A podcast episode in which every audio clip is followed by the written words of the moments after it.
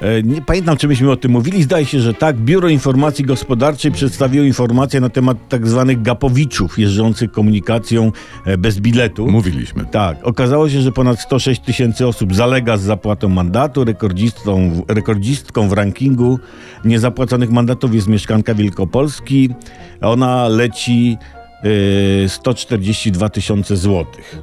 Jest to duże osiągnięcie. No sporo, sporo. Spore. Tak, i ta pani powinna była zamiast premiera Morawieckiego przemawiać w Unii, wzbudziłaby podziw i miałaby bardzo konkretne argumenty w ręku, bo na pewno nie bilet.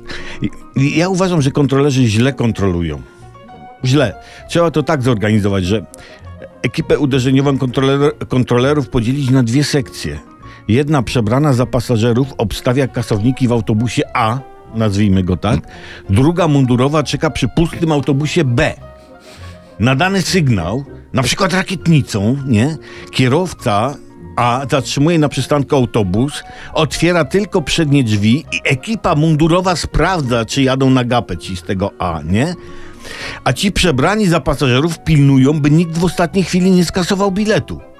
Nie? I oni ci, ci, ci mundurowi pod ścianę, rączki na kark, nogi szeroko, szeroko. Ty dziadek też, na co czekasz? Dobra, cwaniaczki, odwracamy się pojedynczo, powoli, powoli, dobra. Jedną ręką wyciągamy bilet wolniutko, bierzemy go w dwa paluszki i powoli, powtarzam, powoli kładziemy stroną kasowaną do góry przed sobą na chodniku.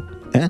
Tak powinno być. Kto ma kartę w porządku, czyli ten skasowany bilet, temu wiesz, e, pozwala się wsiąść do autobusu do numer B i se może jechać dalej. Reszta, jak nie zapłaci kary, zostaje wywieziona na roboty na zajezdnię myć autobusy.